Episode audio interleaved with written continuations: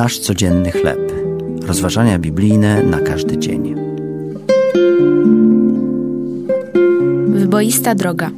Tekst autorstwa Davida Ropera na podstawie Psalmu 25 od 4 do 11 wersu. Mój kolega wędkarz opowiedział mi o alpejskim jeziorze zlokalizowanym w wysokich partiach górskich po północnej stronie szczytu Jack Handle w stanie Idaho. Ludzie mówili, że pływają w nich duże łososie Clarka. Znajomy wziął kawałek serwetki i narysował mi mapę. Kilka tygodni później zatankowałem swoją ciężarówkę i ruszyłem w drogę kierując się jego wskazówkami. Jego rysunek pokierował mnie na jedną z najgorszych dróg, jaką kiedykolwiek jechałem. Był to stary leśny szlak służący do transportu drzew, który został rozjeżdżony buldożerami, a potem już nikt go nie naprawiał.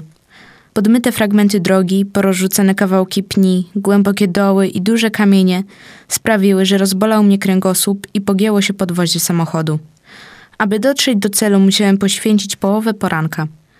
Gdy w końcu zajechałem na miejsce, spytałem sam siebie, dlaczego przyjaciel wysłał mnie w taką drogę. Jezioro jednak było wspaniałe, a ryby naprawdę okazałe. Mój znajomy skierował mnie na właściwą drogę. Sam bym ją wybrał i cierpliwie nią jechał, gdybym wiedział, co czeka mnie na jej końcu.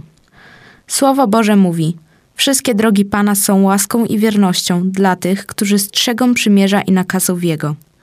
Niektóre Boże ścieżki są dla nas wyboiste i nieprzyjemne, inne natomiast nas nużą. Wszystkie jednak pełne są Jego miłości i wierności. Gdy dojdziemy do końca naszej wędrówki i dowiemy się o wszystkim, co mamy wiedzieć, powiemy: Boża ścieżka była dla mnie najlepsza. To były rozważania biblijne na każdy dzień. Nasz codzienny chleb.